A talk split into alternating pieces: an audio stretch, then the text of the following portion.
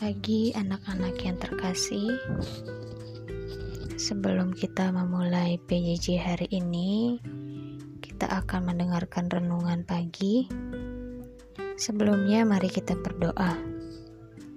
Tuhan Yesus terima kasih buat pagi hari ini Karena Tuhan memberikan hari yang baru Kesehatan bagi kami. Tuhan, kami mau dengar renungan, buka hati dan pikiran kami, agar kami mengerti isi firman-Mu. Dalam nama Tuhan Yesus, kami sudah berdoa dan bersyukur. Amin. Judul renungan pagi hari ini adalah wujud dari tindakan kasih adalah berbagi dengan sesama. Natsnya diambil dari kejadian 43 ayat 31. Bunyinya, sesudah itu dibasunyalah mukanya dan ia tampil keluar. Ia menahan hatinya dan berkata, hidangkanlah makanan.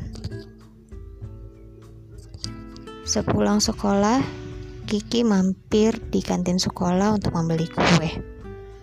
Ternyata masih banyak kue kesukaan Kiki yang dijual. Kiki lalu membeli beberapa kue. Didi yang melihat Kiki kemudian bertanya, "Ki, kok banyak sekali kue yang kamu beli? Buat siapa saja kue itu?"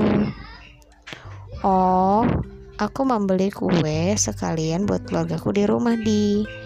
Jawab Kiki kepada Didi sambil tersenyum. Anak-anak, masih ingat kan kisah Yusuf dan saudara-saudaranya?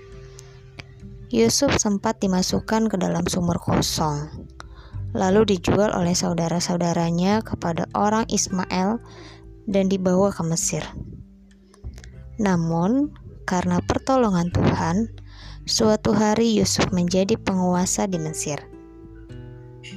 Ketika terjadi bencana kelaparan, saudara-saudara Yusuf datang ke Mesir untuk meminta bantuan.